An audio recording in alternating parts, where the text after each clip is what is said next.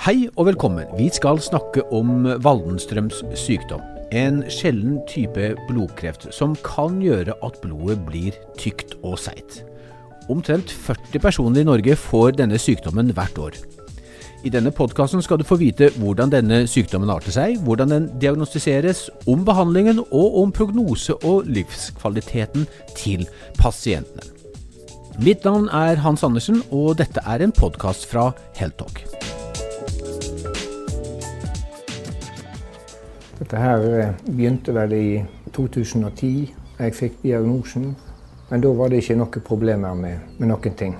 Så jeg ble holdt under oppsikt. Og så fikk jeg en betraktelig forverring i 2012, der jeg eh, begynte å få problemer med beina. Jeg hadde ikke følelse under beina. Så når jeg kom inn på Haukeland, så var det på med behandling med en gang. Og eh, det gikk jo fra ene dagen til den andre nesten, så ble jeg mye bedre.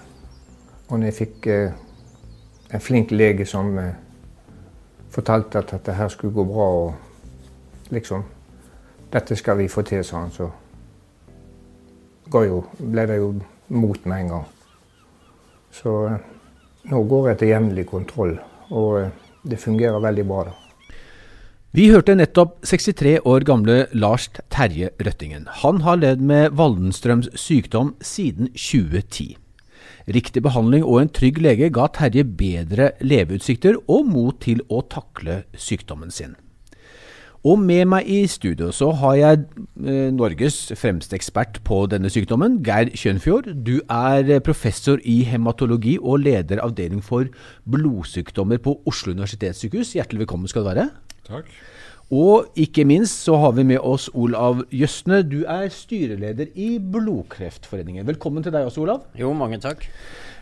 Aller først til eh, Geir, vi må snakke litt om sykdommen og, og, og, og hva som eh, er symptomer, og hvordan den diagnostiseres først. Men jeg sa at blodet blir, eller kan bli tykt og seigt eh, hos disse pasientene. Hva er det som eh, skjer da? Det var jo sånn som eh, de opprinnelige pasientene til Jan Waldenstrøm presenterte seg i sin tid. Det begynner jo snart å bli 80 eh, år siden. Eh, kreftcellene i dette tilfellet er B-lymfocytter, og det er celler som produserer antistoffer. Og I dette tilfellet så er det antistoffer av typen IGM, og det er egentlig kjempemolekyler. og Når det blir mange av dem, så påvirker det blodets eh, evne til å strømme i små blodkar. Eh, så eh, Waldenstrøms opprinnelige pasienter hadde symptomer relatert til det i veldig stor grad. Eh, I våre dager så ser vi jo stort sett ikke det, fordi at eh, den typiske pasienten, eh, hos meg i hvert fall, det er en asymptomatisk pasient mm. som er plukket opp ved mer eller mindre en tilfeldighet. Mm. Og tilfeldighet, sier du. Hva, hva gjør at, at du får pasientene hos deg? Som oftest er det et resultat av at uh, det i en eller annen sammenheng er gjort en såkalt proteinelektroforese, og så er det avdekket uh, en uh, monoklonal komponent, og så er det i neste omgang avklart at det er et IGM-molekyl. Det er som regel innfallsporten. Uh, og så må vi ta tak i det og uh, avklare uh, litt hva som ligger tilbake for det. og Det kan være Waldenstrøms makroglobulinemi, men det kan være andre eh, sykdommer eh, nært beslektet. Mm. Så, som f.eks. hva da? Det mest vanlige er såkalt marginalcellelymfom, som også eh, typisk eh, gjerne har en monoklonal komponent av eh, IGM-type. Mm. Og vi har med oss deg, Olav eh, Ljøsne fra, fra Blodkreftforeningen. En sjelden eh, blodsykdom. Eh, en av mange ganske sjeldne blodsykdommer. Nå kommer dere med en eh, ny brosjyre på, på, denne sykdommen. Hvorfor gjør dere det? En av eh, våre oppgaver er jo å bidra med informasjon. Mm. For en er jo en situasjon at der hvor en person får beskjed at de har Wallenstrøms sykdom, vil ha flere spørsmål enn det blir gitt svar idet man får den beskjeden. Ofte kommer jo beskjeden etter at man har hatt plager av forskjellige slag som har vært uh, under utredning. Noen ganger kanskje litt for lang tid. Og dette er jo noe av det vi hele tiden prøver å få tatt opp. At uh, fastlegene må være raskere med å ta blodprøver. Gjerne så avanserte blodprøver som det Geir her snakker om. Slik at man får identifisert at det er noe som kan være galt i systemet, mm. og så får pasienten til, eh, til ekspertene. Ekspertene i min verden er primært hematologene, blodlegene, mm. ved universitetssykehusene. Mm. Da har vi jo den fremste her. Men absolutt. Og det vi Vår oppgave er jo ikke det medisinske, men det er å kunne bidra når en pasient får en diagnose på de aller fleste av blodkreftsykdommene så sitter de med et stort spørsmålstegn. Familie, venner, kanskje også fastleger.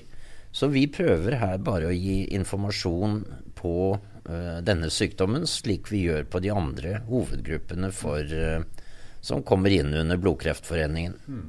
Og, og Geir, denne, hvis vi kan kalle det pasientreisen, den, den starter jo, som uh, Olav er inne på her, vel, stort sett hos fastlegen. Men hva er det hva er det som gjør at pasientene blir uh, såpass bekymret at de går til legen med en uh, sykdom som dette?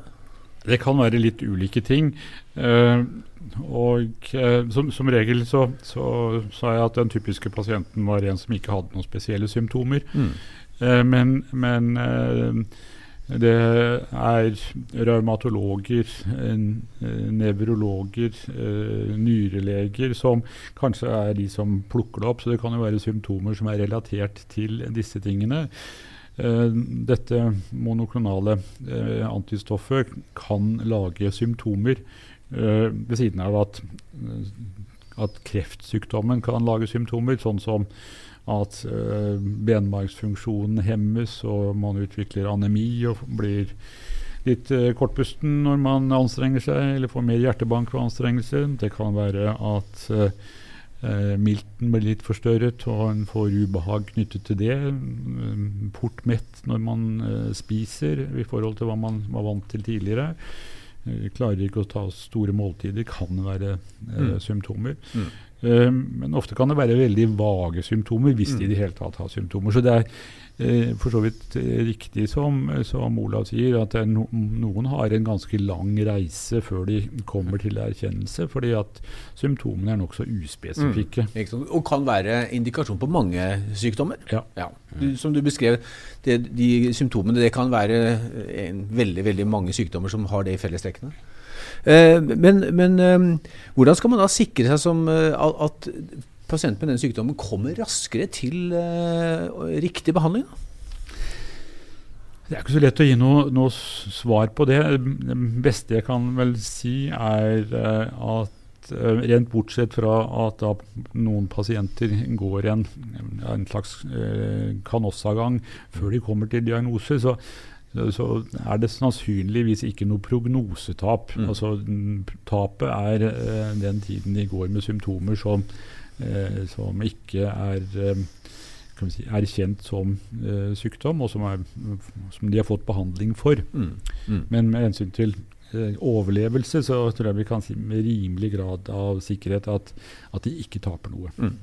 Fordi at eh, sykdommene har ikke eh, materialisert seg i altfor sterk grad? Nei, Det er i, hos de aller aller fleste en, en, det vi kaller en indolent sykdom, altså en som utvikler seg veldig langsomt. Mm. Uh, og den uh, skifter sjelden eller aldri karakter. Mm, så, så, når først da pasienten blir diagnostisert, uh, og, og, starter dere da behandling, eller venter, avventer man og ser sykdommen an? Når vi vurderer behandling, så er det jo på en måte to perspektiver vi har. Det ene er har behandlingen primært som siktemål og bedre leveutsiktene, mm. eller har den primært eh, som siktemål å fjerne symptomer?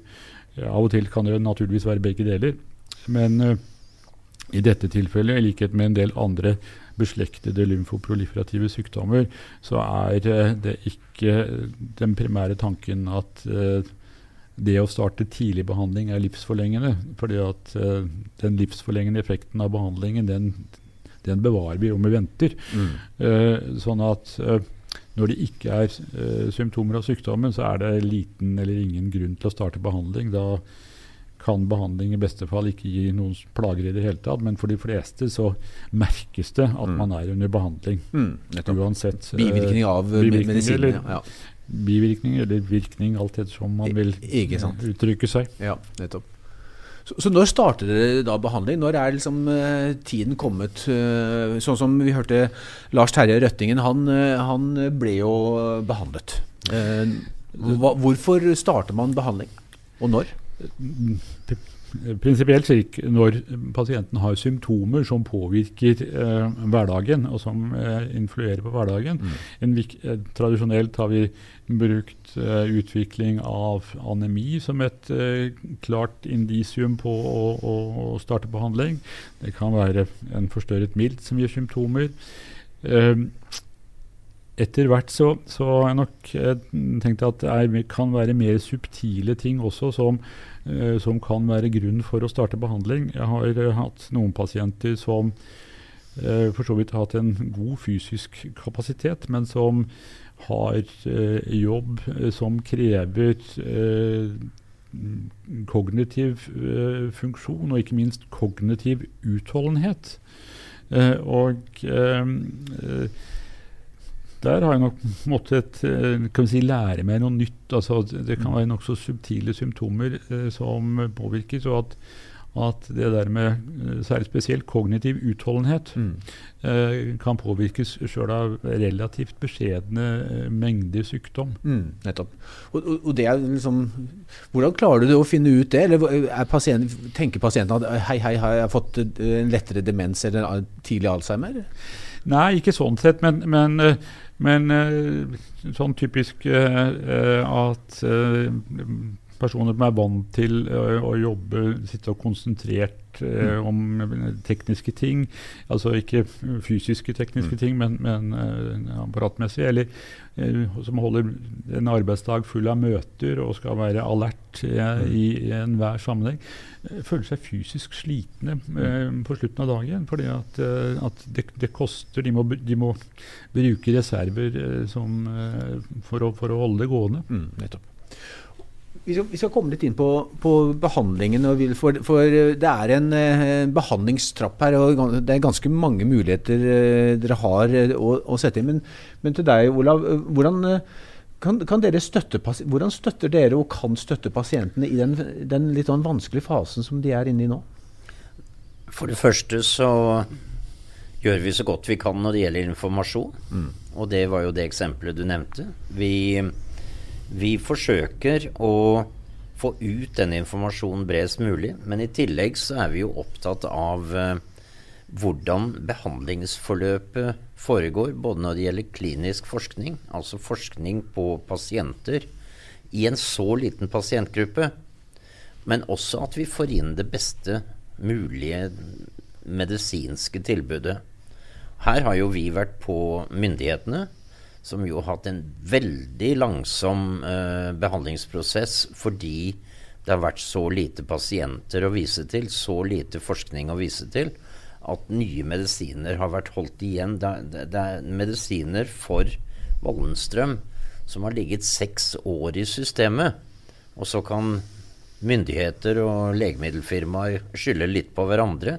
Men for pasientene er det helt utilfredsstillende. Og det er saker som vi har reist med myndighetene og har pågående diskusjon for å påvirke at dette kommer på plass.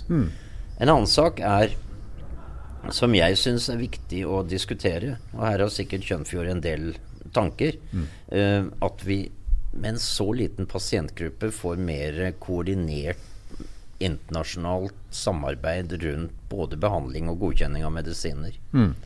Ja. Det er bare sånn innspill som vi jobber med. Den ballen spiller vi rett over bordet til deg, Geir. Er, er det en god idé å, å se mer på samarbeid eh, internasjonalt, eh, nordisk, europeisk?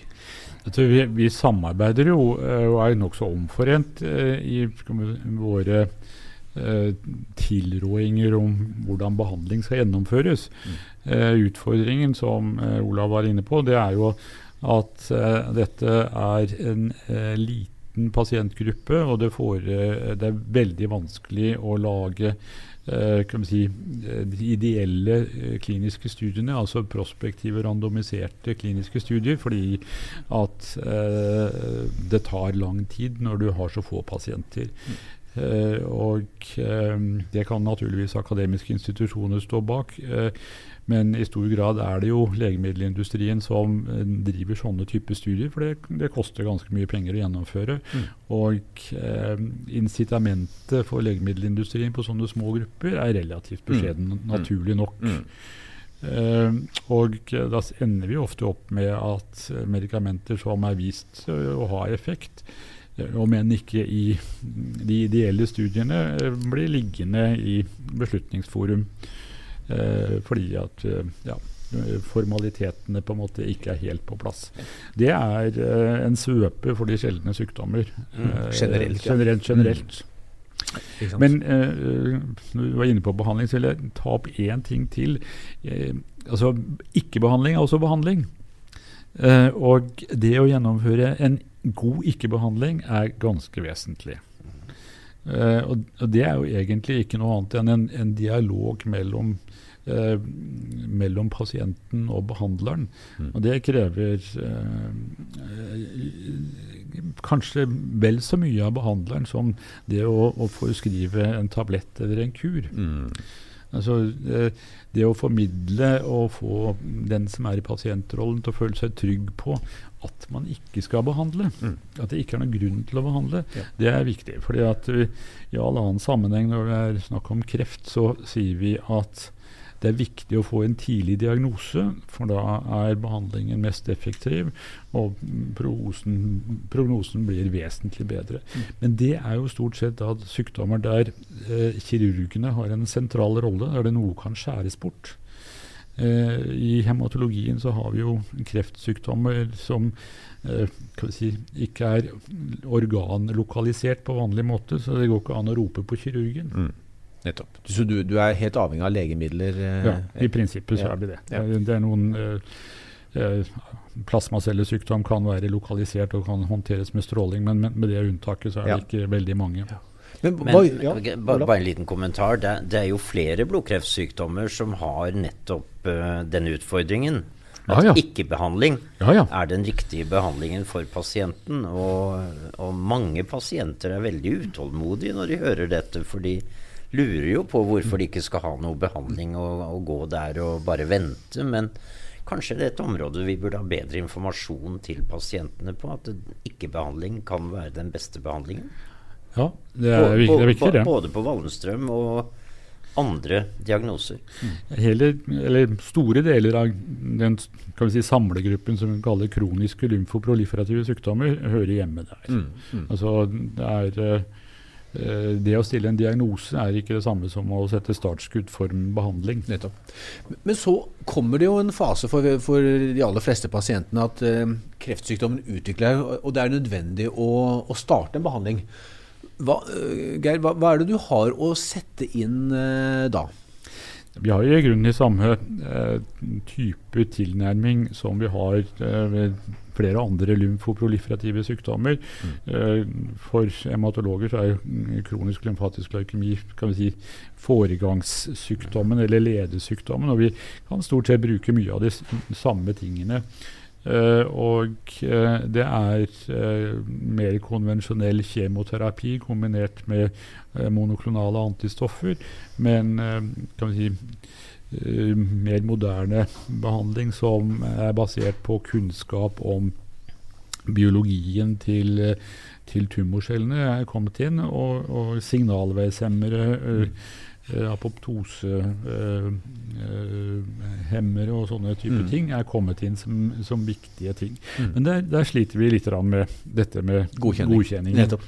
Nettopp, kan, der må du komme inn. Faktisk et spørsmål fra min side. Hva med stamcelletransplantasjon og Wallenstrøm? Vil du kommentere på det?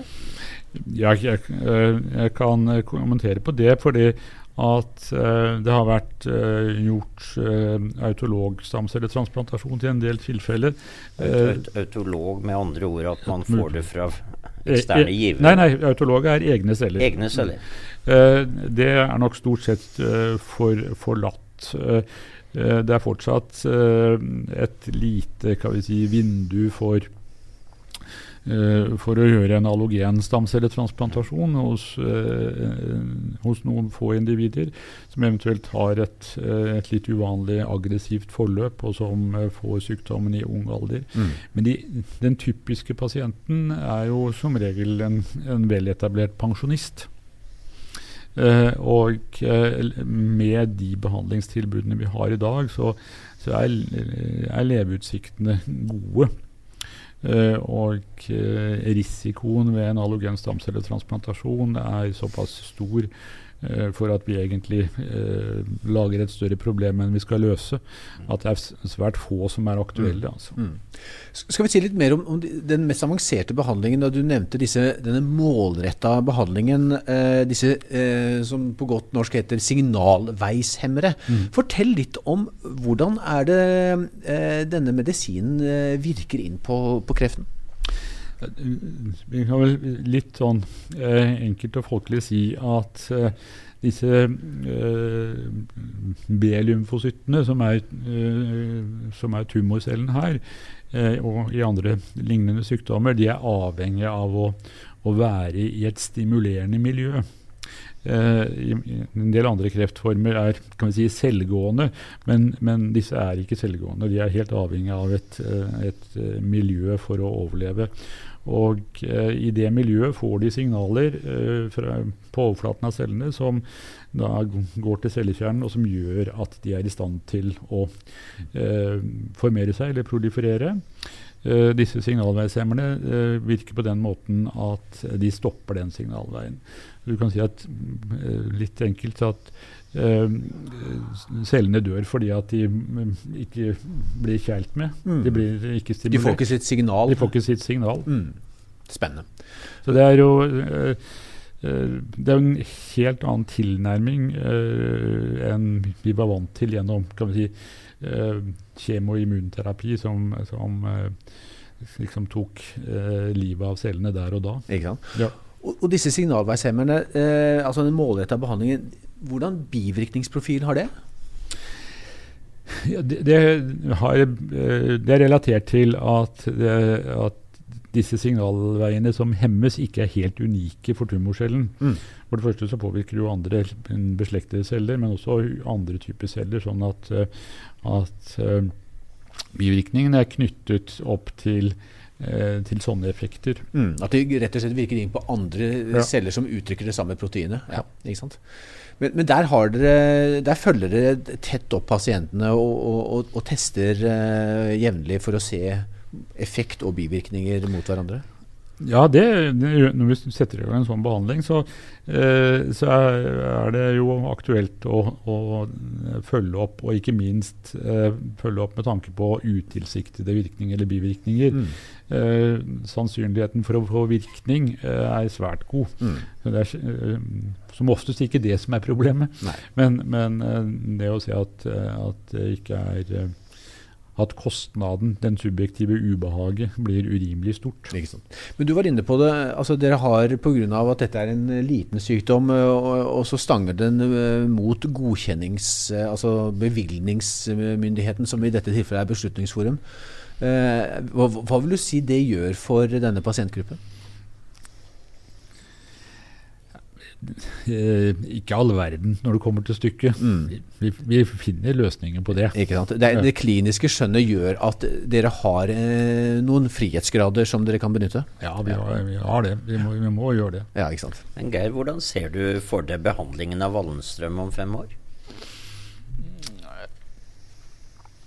Jeg vil vel eh, tro at, eh, at, vi da har eh, signalveishemmere, sannsynligvis også eh, eh BCL2-hemmere som sentrale elementer. Det er klart mulighetene her for at celleterapi av typen CAR-T-celler kommer inn, absolutt til stede. Altså CAR-T-behandlingen har jo si, en bred arena når det gjelder eh, lymfoproliferative sykdommer av B-celletype.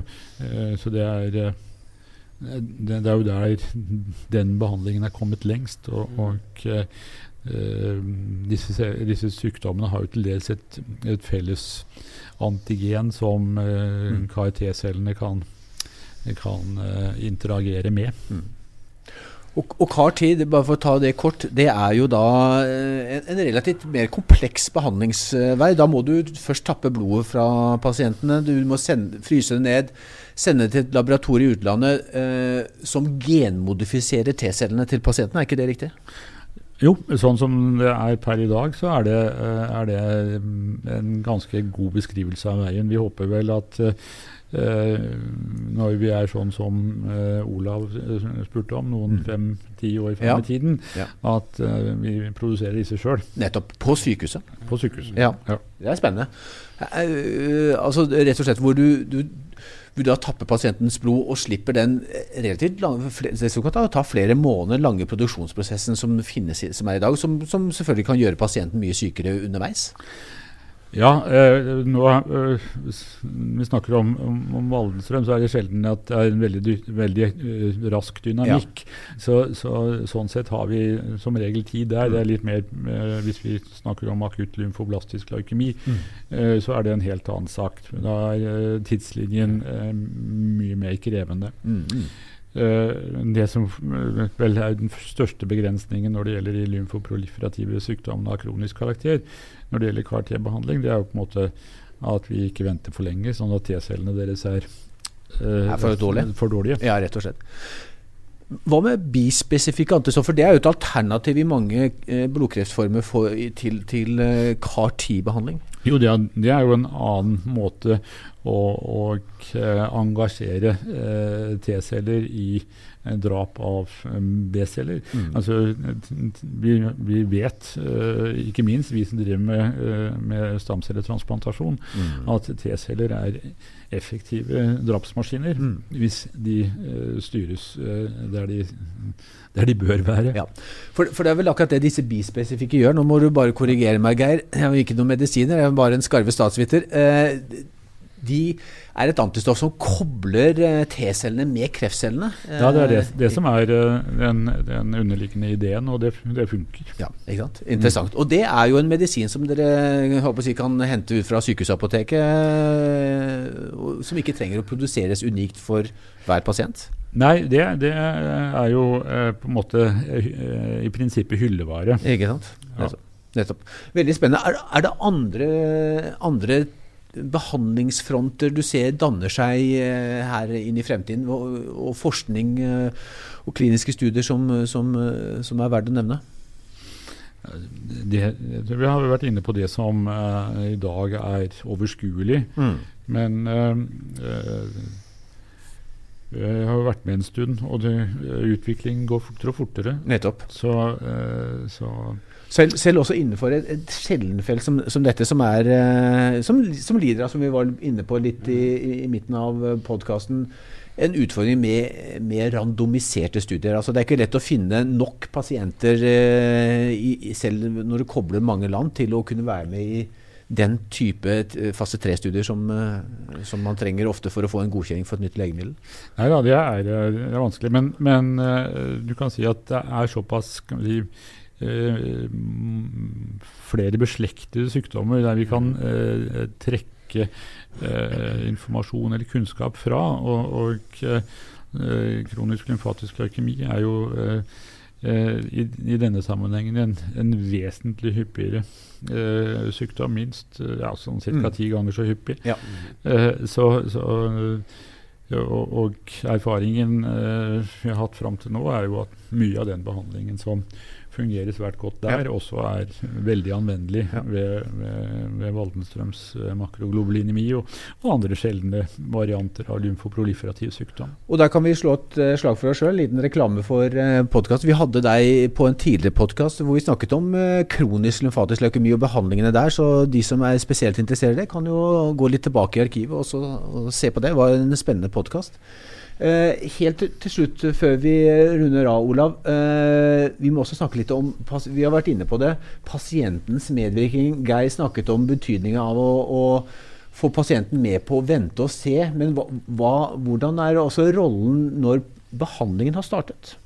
Ja, Det er jo både pasienten og de pårørende som her involveres. Og, og, og, det viktigste er jo at pasienten da har fått så mye informasjon som er mulig, og som de vil ha. At de vet det og kan ta sine og, planlegge sitt eget liv under den behandlingen man står overfor. Som Geir har vært inne på, så er jo bivirkninger det er jo, det er jo kontrasten til virkning. Og den vil komme i en eller annen form. Det kan være i form av utmattethet, det kan være i form av uh, ulike reaksjoner som man kan ha. Man skal være forberedt på det, og man skal kunne håndtere det. Mm. Men her er også de pårørende ganske viktig faktor, som da forstår at denne pasienten har utfordringer pga. behandlingen, mm. og kanskje ikke pga. sykdommen i seg selv. Mm. Men i mange tilfeller så går det jo veldig bra eh, med pasientene i sykdommen, ikke sant Geir? Jo, de, er, altså, de, de, de, aller fleste har en sykdom som eh, responderer eh, gunstig på behandlingen. og eh, Ehm, vi har flere behandlingsmuligheter, slik at eh, toleransen for behandlingen ehm, er rimelig god for de aller, aller fleste. Mm. Og Slik gikk det også med vår venn Lars Terje Røtting. Vi skal la han få det siste ordet i denne sendingen. Nå har jeg det veldig bra, kan jeg si, med denne sykdommen. Det fungerer veldig greit. Jeg jobber fortsatt. og jeg har båt som jeg er ute om sommeren i, og jeg har en liten båt som jeg fisker på og har garn og tein ute. Og jeg er jo så heldig at jeg har bare barn og barnebarn i nabolaget, så her er liv og hver dag. da. Men generelt med, med, kreft og sånne ting, så prøver jo å si at det går bra i mange tilfeller. Så det er ikke noe Må ikke bli deppa fordi de får en kreftdiagnose. Selve sykdommen har ikke noe plager med nå, altså. Det kan ikke jeg si. Når du er 63 år, så skal du ha noe plager. Optimistiske ord fra Lars Terje der. Mitt navn er Hans Andersen. Dersom du liker denne podkasten, sett gjerne av noen sekunder til å gi oss en rating, og følg oss på Spotify, Apple Podkast eller der du lytter til podkaster. Det hjelper nye lyttere til å finne våre podkaster. En spesiell takk til mine gjester i studio, Olav Jøsne og Geir Kjønfjord, for at dere vil være med i denne senden. Hjertelig takk skal dere ha. Om du vil lese mer om Wallenstrøms eh, sykdom, så gå gjerne inn på blodkreftforeningen.no. Der er det masse interessant stoff om denne sykdommen og andre blodkreftsykdommer. Takk også til Blodkreftforeningen for at vi fikk låne lydsporet til deres intervju med Lars Terje Røtningen. På gjenhør.